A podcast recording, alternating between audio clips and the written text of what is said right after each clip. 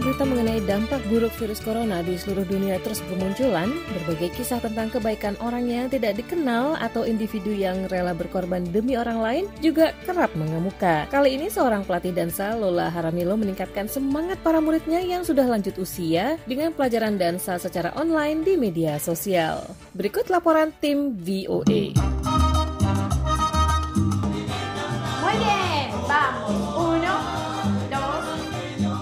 Pelatih dansa Lola Haramilo menyalakan radionya ke saluran yang memperdengarkan lagu salsa yang penuh semangat. Lewat rekaman video, ia menyarankan murid-muridnya untuk mengikuti setiap gerakan tariannya.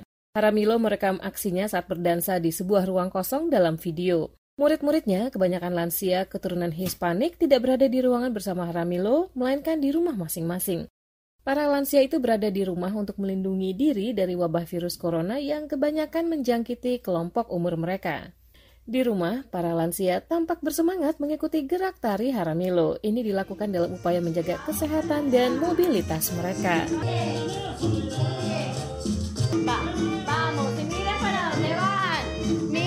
Sabemos que eh, si ellos eh, físicamente están activos Kami tahu bahwa mereka aktif secara fisik dan juga secara kejiwaan.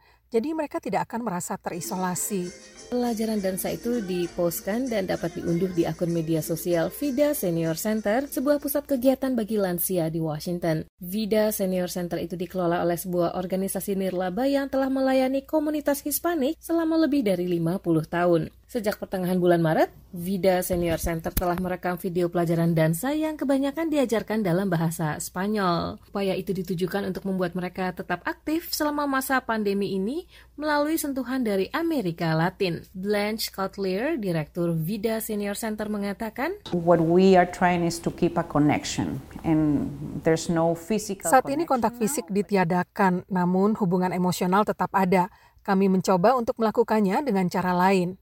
Selain tarian, mereka juga merekam video yang berisikan tips nutrisi, kelas relaksasi, dan informasi tentang COVID-19 dalam bahasa Spanyol. Senior Center atau pusat aktivitas bagi lansia itu juga menawarkan sesi kesehatan dan konseling melalui telepon. Kotlir menambahkan, memuat akun media sosial dengan sejumlah video dengan informasi beragam merupakan cara kreatif menemani para lansia pada saat berlakunya pembatasan sosial. Ia menjelaskan pada masa itu banyak lansia merasa terisolasi dan cemas. Kotlir mengatakan, When you ask them what our centers are, Kami merupakan rumah kedua bagi banyak lansia keturunan Hispanik, terutama bagi mereka yang berpenghasilan rendah yang tidak memiliki keluarga di sini atau keluarga mereka tinggal di luar negeri. Iovina Guelen de Leon, 67 tahun, berasal dari Republik Dominika. Ia tampak mengikuti gerakan tarian lewat video online itu di dapurnya, sementara seorang temannya merekamnya saat menari. Para lansia yang lain juga melakukan hal serupa, yaitu membagikan video dansa mereka